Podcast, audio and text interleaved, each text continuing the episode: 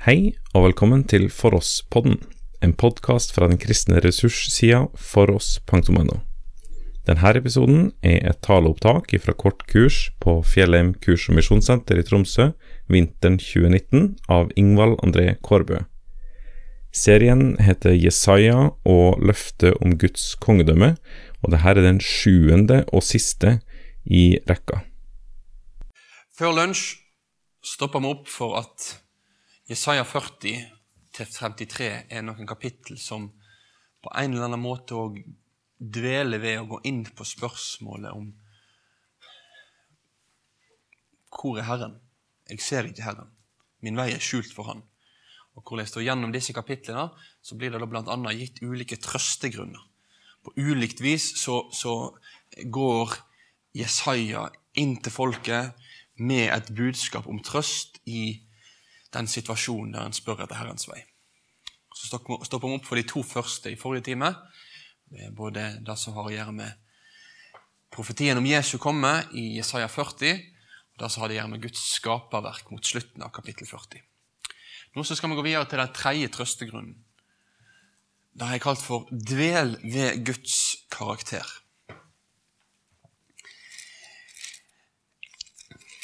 Jeg har sagt det til dere før denne uka, og jeg kommer til å si det nå òg en siste time.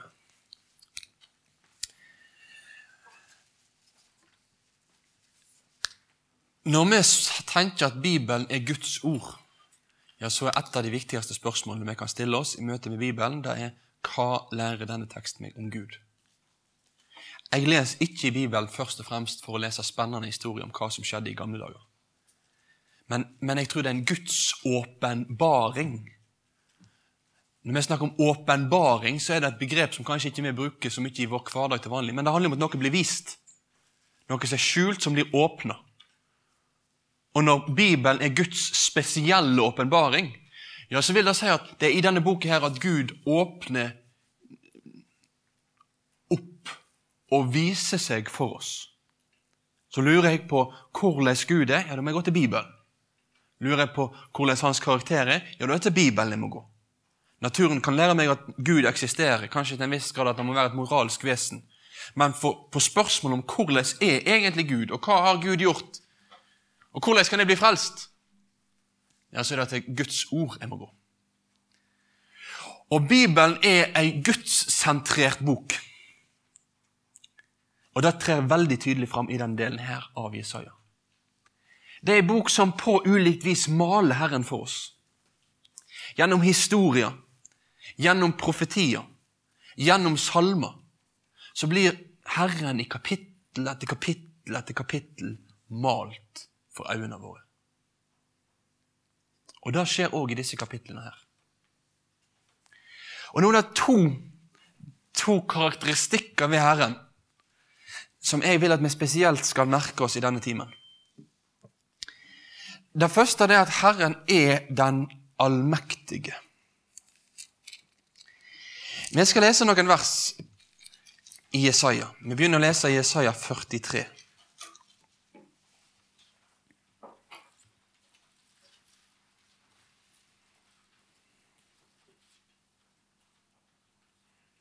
Vi kan lese fra vers 10.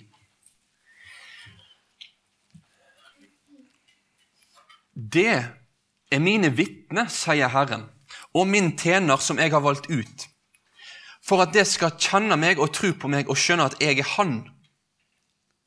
Før meg har ingen Gud vært forma, og etter meg skal ingen komme. Jeg, jeg er Herren. Det fins ingen annen frelser enn jeg. Det er jeg som har fortalt og frelst og gjort det kjent. Det fins ingen framandostykk. Det er mine vitner, sier Herren. Jeg er Gud heilt fra dag var til. Jeg er Han. Ingen kan rive ut av mi hånd. Det jeg gjør, kan ingen gjøre ugjort. Det er kraftige vers om Herren.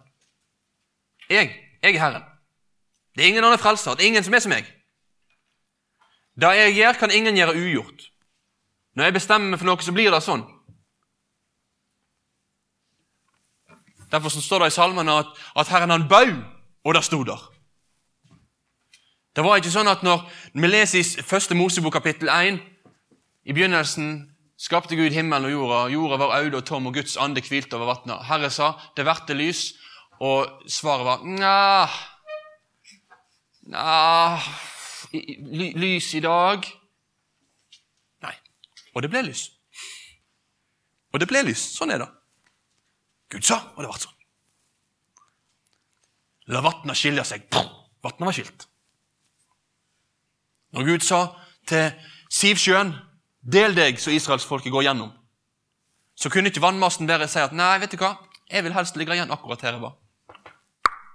Vekk med det. Sånn er Gud.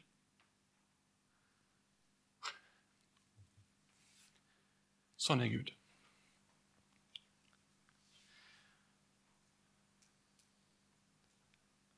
Og Nå skal jeg fortelle deg om kanskje på det ene området i mitt liv der jeg framfor alt er nødt til å klynge meg fast akkurat dette her med Guds allmakt.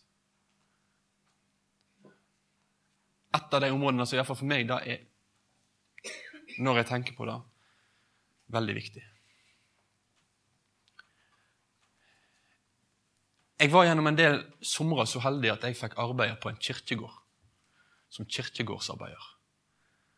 Var et flott arbeid. Jeg trivdes med det. Og samtidig tenkte jeg mye. For du klipper plen, du går med kantklipper, og du ser grav etter grav etter grav. Og gjennom arbeidet måtte jeg òg grave grave, Og stenge graver.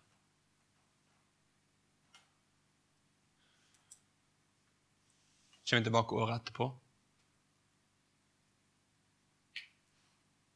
og et nytt felt med graver fullt. Året etterpå, og et nytt felt er fullt.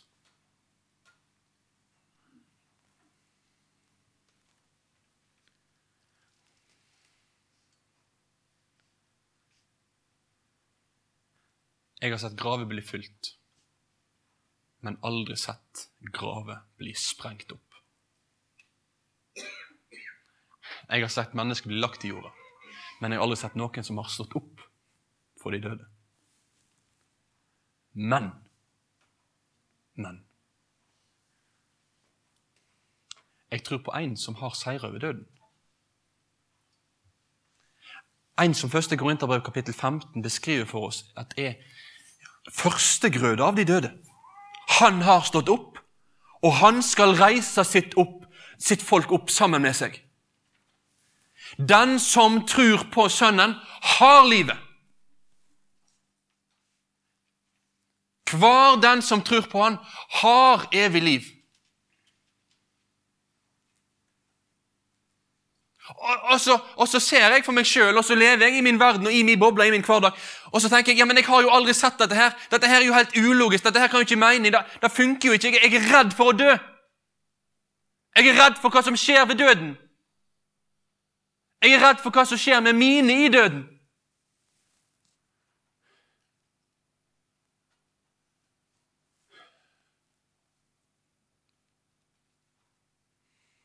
Men jeg kan klynge meg til at den allmektige har seira over døden. Og på samme måte som det ikke var noe problem for han når han sa 'det blir lys', og det ble lys, så kommer det ikke til å være noe problem for han den dagen sier, han sier 'stå opp'! og hele Guds folk reiser seg opp og går inn til det himmelske festmåltidet. Det vil ikke være noe mer umulig for han, for han er Herren. Det er ingen som han. Når han sier, så forblir det ikke ugjort. Når han blåser i basunen og enden er kommet, ja, da er det ferdig. Når han reiser opp sitt folk, så blir det sånn. Og det han gjør, det kan ingen gjøre ugjort. Det står i denne teksten her. Her ser vi noe om at sånn som Herren er, sånn som Han møter oss i Bibelen, ja, det har faktisk noe å si for mitt håp for livet og for evigheten. Det dveler ved hvordan Herren faktisk er. Han er den allmektige. Litt seinere i kapittel 43 så er det også en annen sak som vært nevnt med tilknytning til Herren og hvordan han er.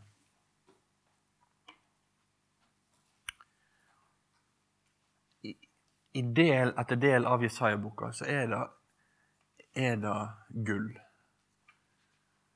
Og Her så kommer vi til noen nye sånne her gullkorn.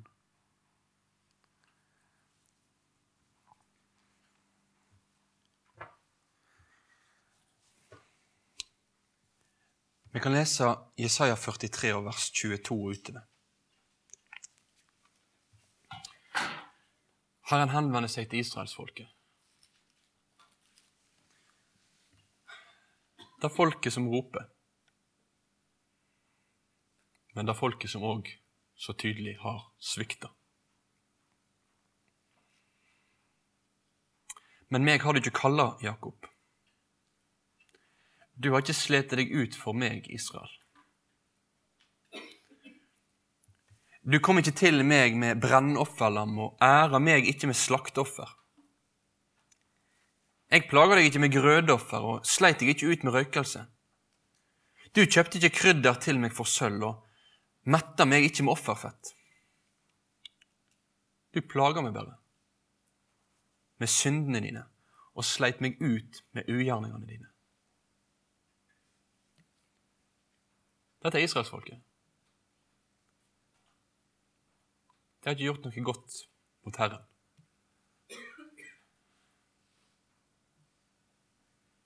Det er ikke sånn at jeg har tenkt å frelse deg i Israel av at jeg har vært så flink. Det er bare slitt meg ut. Det har bare gjort så mye galt. Det har gjort så mye dumt. Jeg er ikke nådig fordi det fortjener det. Nei, jeg. Jeg er den som utsletter dine brudd for mi skyld. Og syndene dine minnes jeg ikke.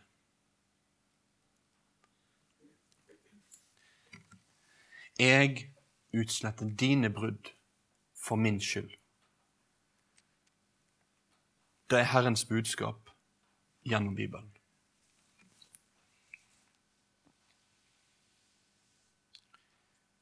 når Jesus kommer, når Jesus dør, når han blir korsfesta for å sone våre synder, så gjør ikke han det fordi at vi var så veldig elskverdige folk nødvendigvis. Eller fordi vi virkelig fortjente å bli frelst.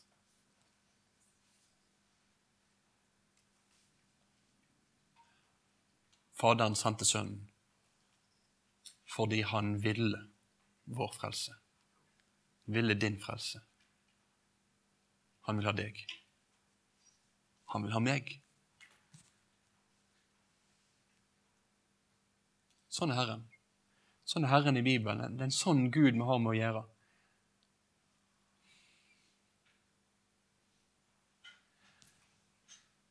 Ikke en Gud som jeg skal få bygge min, mitt forhold til Han på på min fortjeneste eller manglende fortjeneste. Men jeg skal få bygge det på og hvile på det i at det bygger på, på Jesus. At det bygger på det han har gjort. At Gud, han utsletter mine brudd for sin skyld. At syndene mine minnes han ikke, for at de er gjort opp. Sånn er Bibelens Gud. Sånn er han jeg får tro på ved Jesus Kristus.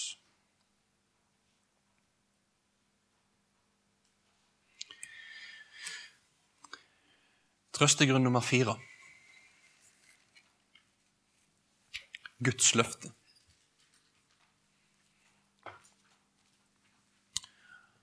Og midt i dette her, der Herrens karakter blir skildra, der vi ser hvordan Han blir vist for oss gjennom Skrifta, så blir òg hans løfte gitt.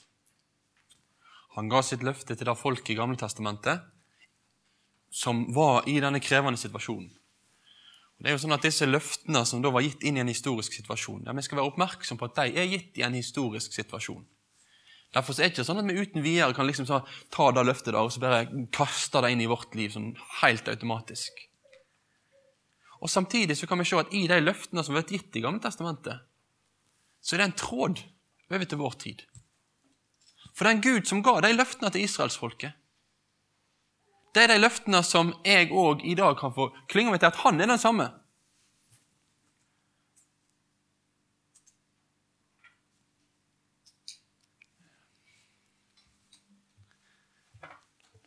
La oss stoppe opp for et par av dem. Guds første løfte er at han går med sitt folk gjennom prøvelser. At gjennom smerte, gjennom lidelse, gjennom livets prøvelser, så har Herren òg gitt sitt løfte om at han vil gå med.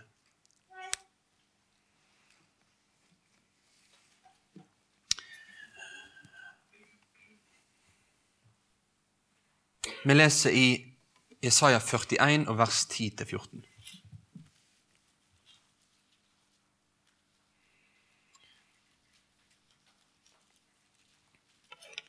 Frykt ikke, for jeg er med deg. Vær ikke redd, for jeg er din Gud. Jeg gjør deg sterk og hjelper deg og holder deg oppe med min rettferds høyre hand. Sjå, til skam og spott blir alle som er harme på deg. Det, de blir ingenting å gå til grunne, de som går i rette med deg. Du skal leite, men ikke finne noen som er i strid med deg. Til ikke og ingenting blir de som er i krig med deg. For jeg er Herren din Gud, som har grepet de høyre hånd og sier til deg, Vær ikke redd, jeg hjelper deg. Vær ikke redd, Jakob, du vesle makk, og det er Israelsmenn. Jeg hjelper deg, sier Herren, Israels hellige, løser deg ut. Tre ganger Tre ganger så blir det sagt. Vær ikke redd. Vær ikke redd. Vær ikke redd.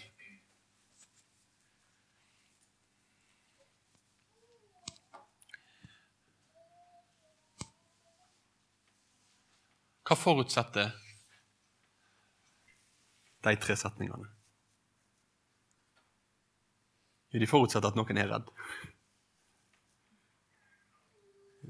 Jeg tror av og til Når vi leser disse tekstene her, og når vi leser i Bibelen sånne formanier Frykt ikke, vær ikke redd. Så kan, kan en òg bli grepet av mismot av sånne setninger og tenke men jeg, jeg er jo redd. Jeg er jo fryktsom. Skulle ikke være der. Det står her 'Vær ikke redd'. Skjerp deg. Slutt å være redd. Nei, det er jo ikke det. Poeng, poenget er jo ikke det. Poenget er jo at her er det til den som er redd, at det kommer en trøst.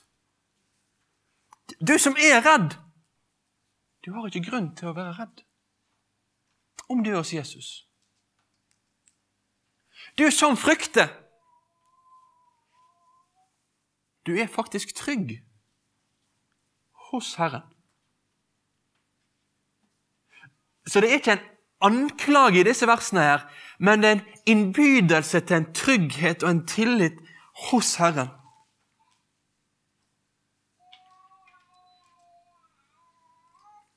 Jeg er med deg. Jeg ser til deg. Jeg har min hånd om deg, om ditt liv. For et Guds barn som lever med Herren, så er det det løftet jeg også skal få ta til meg og leve i. At Herren er med.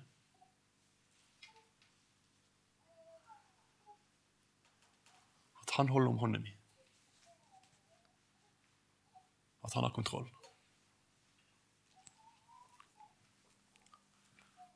Så skal vi gå videre til kapittel 43, vers 1-2.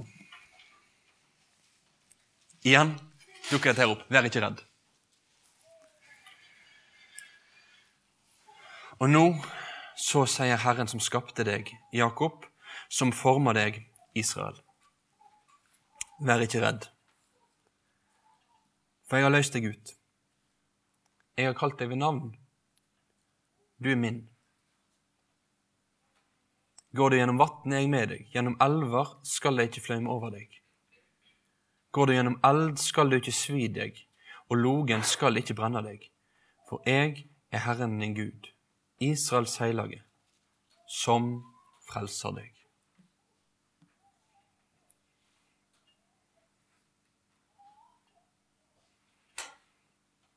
Dette er ikke et løfte om at jeg ikke kan brenne opp.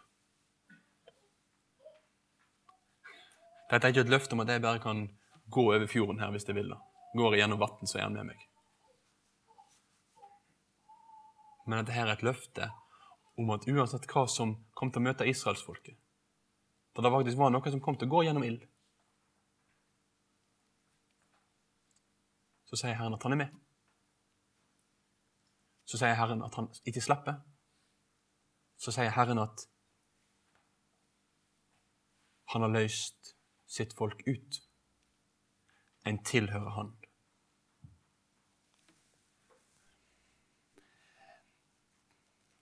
Jesaja gir ingen lettvinte løsninger. Jesaja gir ikke svaret at når Herren er med, så vil alt automatisk være greit. Men Jesaja viser en Gud som går med sitt folk gjennom prøvelsene.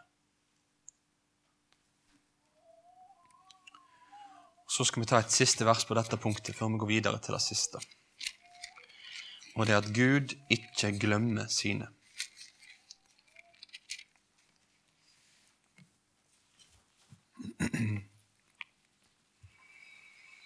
Da er vi i Jesaja 49. Og vi må lese ifra vers 14 av.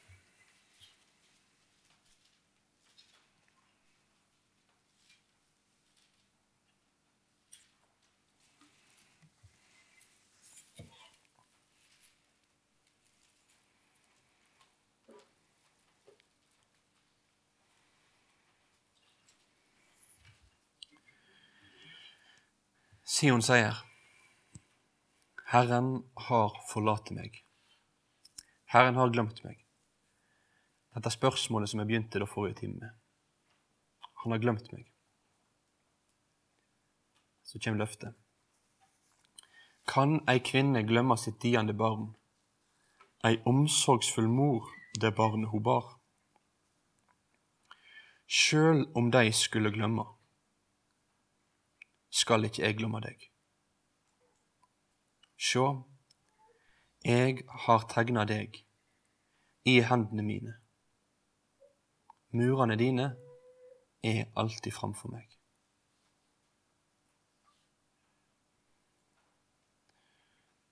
Det var en by som en dag skulle bli knust. Jerusalem. Grunnen til at byen ble knust, det var deres synd.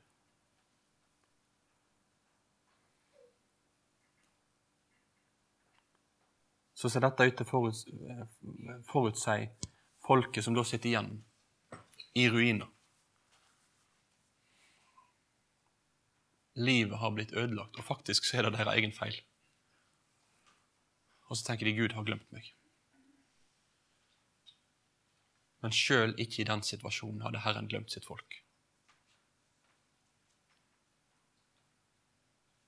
Sjøl da så vil han minne om at han fortsatt er den Gud som ser sitt folk og ser til sitt folk. Så blir det sterke bilder brukt med ei mor og spørsmålet om hun kan glemme sitt diende barn.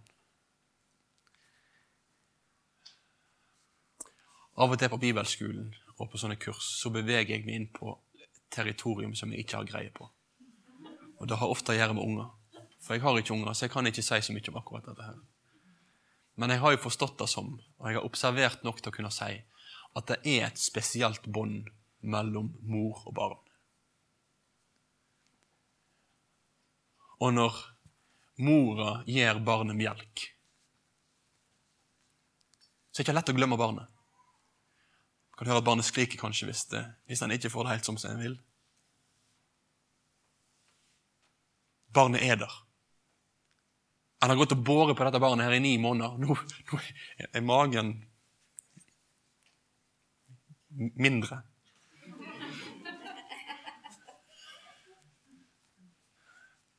En hører i lag. En glemmer ikke barnet. Men, sier en Bibelen, men, men i det tenkte, absurde scenarioet at ei kvinne kunne glemt barnet sitt Det er usannsynlig at det skjer, men om det skjer, så skal de vite at jeg er ikke som disse kvinnene som glemmer. Jeg glemmer ikke mine barn. Så det er bare for å understreke den nære sammenhengen mellom Herren og sitt folk. Den djupe omsorgen en mor i utgangspunktet kjenner for sitt barn, som gjør at en, en er opptatt av barnet. Når en hører barneskriket, tenker hva, hva skal jeg gjøre nå? En, en, en, lever og, og ånder for barnet og legger til rette for at barnet kan ha det godt. Morets største ønske at det kan gå godt med barnet. Men så er Herrens omsorg for sitt folk så mye større enn den djupeste og reneste morsomsorgen en kan tenke seg.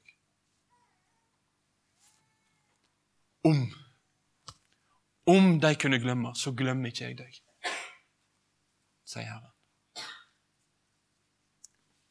Du kan ikke bli glemt av Gud. Jeg kan ikke bli glemt av Gud. Jeg er skapt av Han, jeg er villet av Han. Jeg kan forlate Han.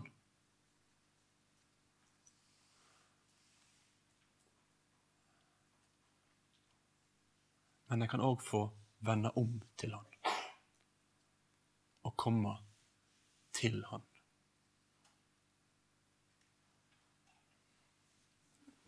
Så blir det beskrevet her at jeg har tegna deg i hendene mine. Murene dine står alltid framfor meg. Så Sammenhengen i Gamle testamentet her, da sikter til murene i Jerusalem. Murene som hadde vært der en gang, og som kom til å bli knust. Jeg husker på dem. Jeg veit om murene. Hendene ja, det kan sikte til noe så enkelt som at faktisk så, så vet jo vi òg som mennesker at hvis jeg skal huske noe, ja, hva gjør jeg da? Jo, da skriver jeg det på neven. Da glemmer jeg det ikke. Når israelsfolket fikk sin trosbekjennelse, så sto det at de skulle binde det om hånda si og bære det i panna si, den bekjennelsen om at Herren er vår Gud og Herren er én. De skulle huske på det, de skulle bære det med seg. Og samtidig, når vi ser dette her i lys av en hel bibel Når vi ser, ser det i lys av hva Nytestamentet forteller oss, så er det òg et perspektiv til som blir åpna i denne teksten her. Som iallfall jeg vanskelig kan se forbi. Og Jeg tror nok ikke det var det som var hensikten med det som ble sagt av Jesaja akkurat den gangen. Men jeg tenker vi absolutt kan få bruke og forstå den teksten på den måten i dag. For jeg tror på en Gud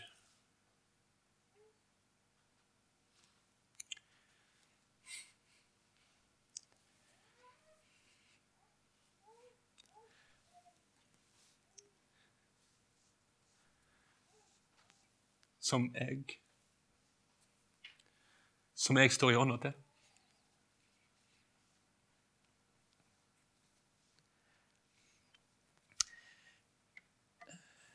Jeg tror på en Gud der mitt liv har blitt skrevet inn i hans hånd.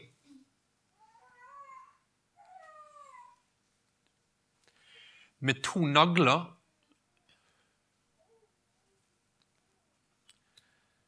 To nagler som sier alt om hvem jeg er.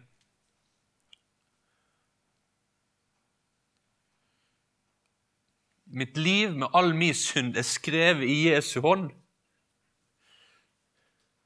Ditt liv med all din synd er skrevet i, i Jesu hånd.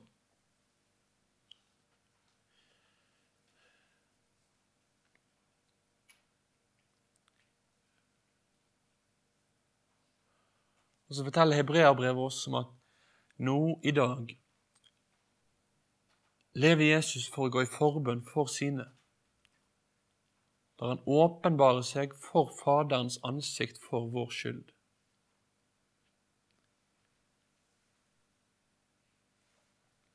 I dag, i himmelen,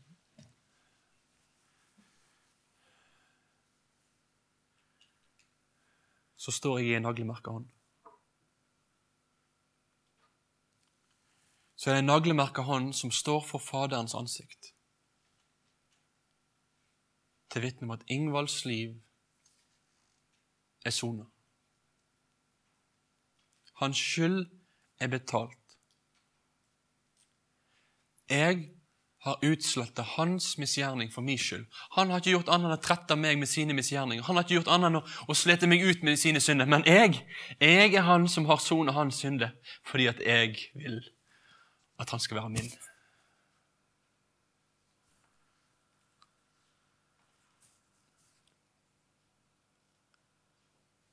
Og til deg òg så håper jeg at det framfor alt da disse tekstene og Jesaja kan få løfta fram for oss. En en Gud som har frelst meg.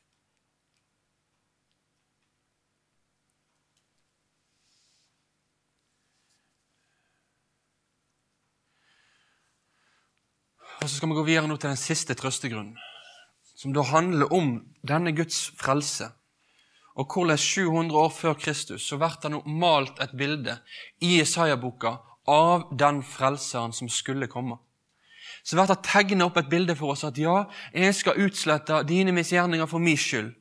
Jeg har ikke glemt deg, jeg skal ta meg av deg. Ja, Så blir spørsmålet ja, men hvordan kan synder utslettes? Et folk som er fullt av synd, hvordan kan det være rent?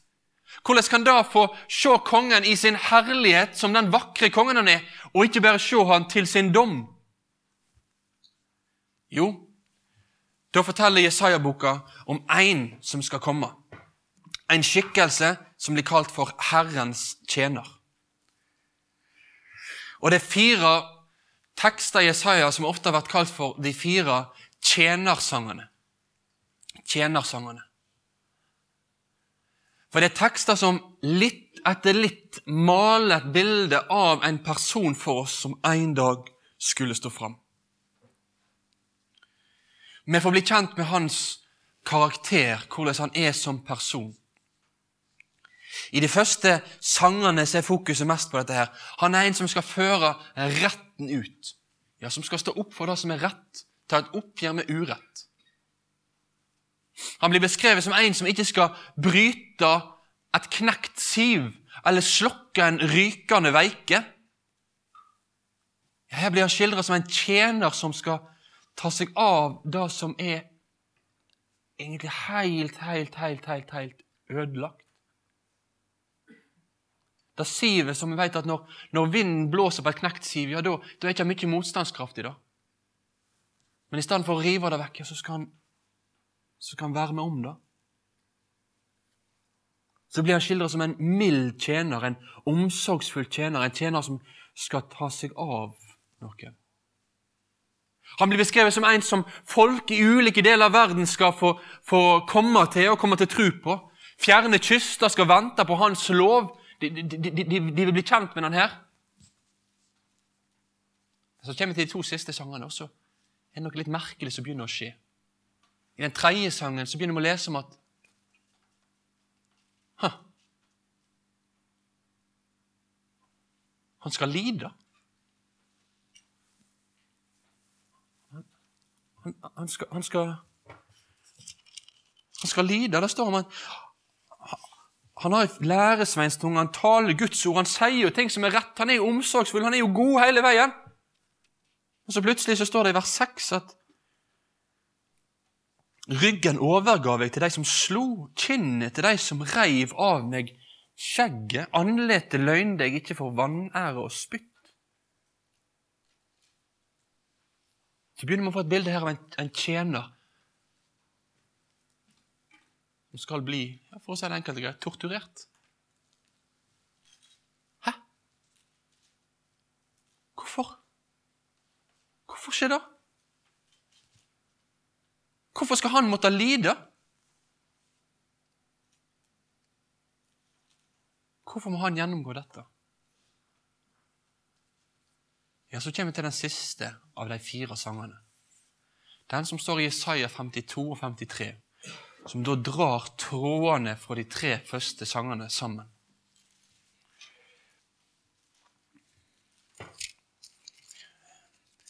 Og Jesaja 52, 13 til Jesaja 53, 12. Det er en tekst som nå, når, når vi har beveget oss inn i fastetida, en tid der vi på en spesiell måte skal få forberede oss på påskehøytida. Ja, så kanskje dette kan være en tekst som du får bruke tid på nå framover. Ja, kanskje du til og med bare skal ta lære teksten utenat. Det går fint. Bruke litt tid på det, så lærer en seg dette kapittelet.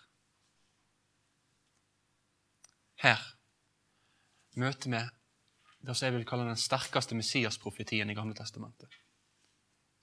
Det er mange Messias-profetier gjennom hele Jesaja-boka og gjennom hele Gammeltestamentet.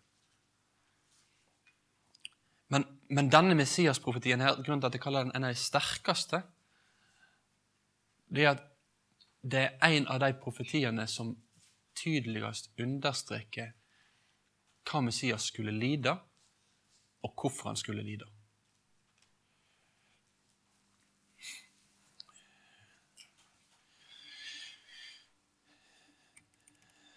Nå har jeg bare laget et lite sånn skjema for dere her, sånn at jeg kan se hvordan denne teksten er bygd opp. Jeg får ikke tid til å stoppe opp for alt nå.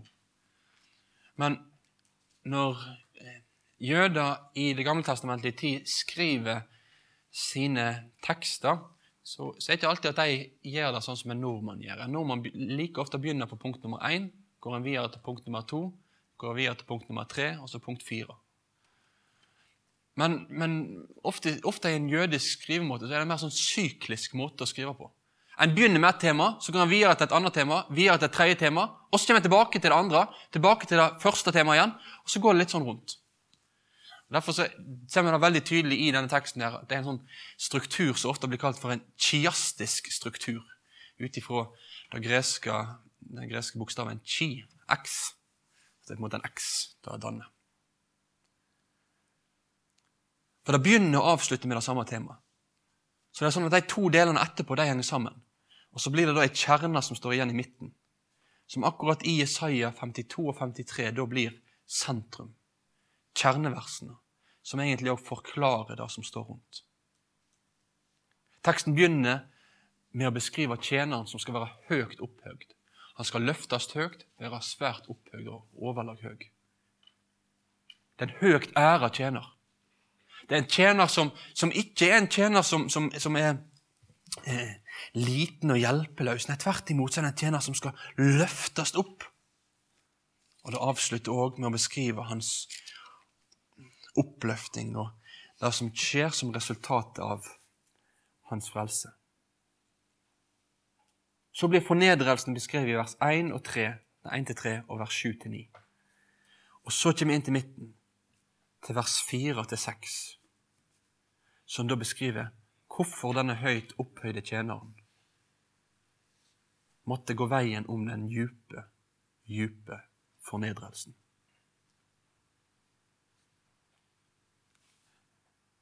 Vi får forklaring av det. Gud åpner opp og åpenbare. Dette her er grunnen til at tjeneren må lide. Dette her er grunnen til at tjeneren må dø. Lurer du på hvorfor? Jesus må dø. Se her. Og da leser vi de versene.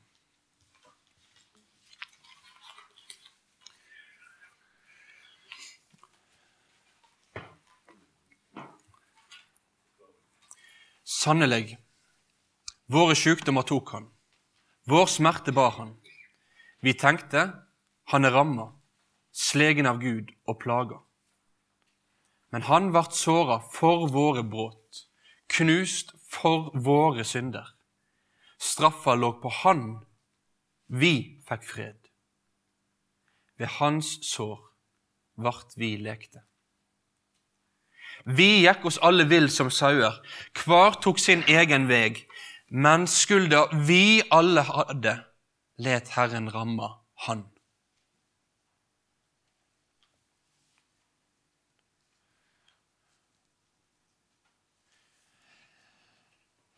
Det er en tekst som beskriver noe vi har, og som Han tar. Det er snakk om våre synder. Det er snakk om vår smerte. Det er snakk om våre sykdommer.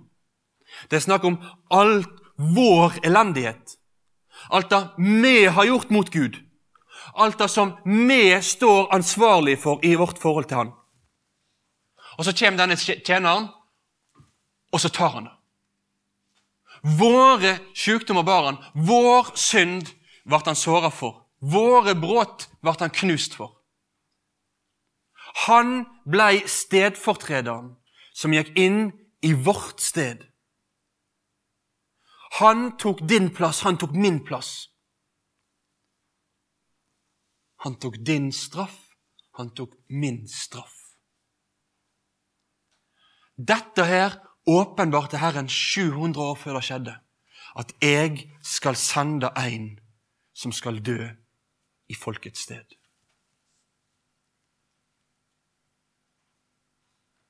Han skal bære synder.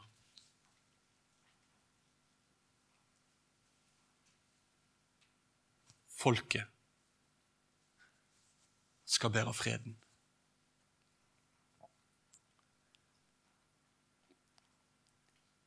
Jesus tok straffa.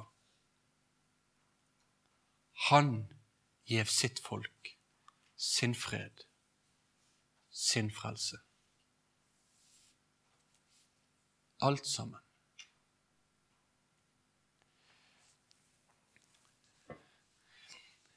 Jeg vil vise et bilde før vi går og avslutter denne timen. Et bilde som iallfall for meg har blitt et, et sterkt bilde. Noen av tidligere elever har kanskje sett det, men for meg er det et flott bilde. Til høyre så ser vi ilden. Vi ser vreden. Vi ser straffa som rammer. I utgangspunktet står jeg i, i ilden. I utgangspunktet har ilden retning rett imot meg. Men så kommer noen i midten. Så står det et kors i midten. Så det er én som strekker ut sine hender der, som dør i mitt sted. Og så ser vi at på, på bildet her så er det som at da blir, da blir det en vegg. For vreden blir oppslukt på korset. Vreden rammer Kristus i mitt sted. Da jeg skulle hatt, da tok han. Og da han skulle hatt fred, da gir han til meg.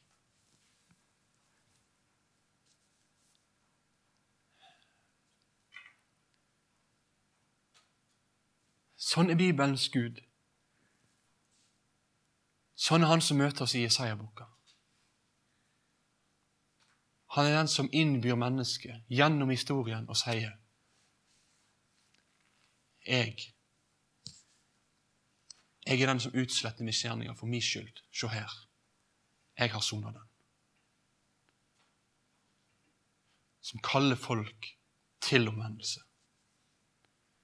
Som kaller folk til et liv og til en evighet med Han. Måtte det få være sånn at denne frelsen er noe vi får eie sånn at vi kan få møtes til det måltidet som vi tidligere har omtalt i Jesaja-boka. Når hele Guds folk skal være samla hos kongens bord, og døden skal være oppslukt for alltid. Du har nå hørt et taleopptak fra kortkurs på Fjellheim kurs- og misjonssenter i Tromsø vinteren 2019 av Ingvald André Kårbø. Serien heter Jesaja og løftet om Guds kongedømme. og Dette var den sjuende og siste i rekka. Finn flere ressurser, og vær gjerne med å støtte oss på foross.no.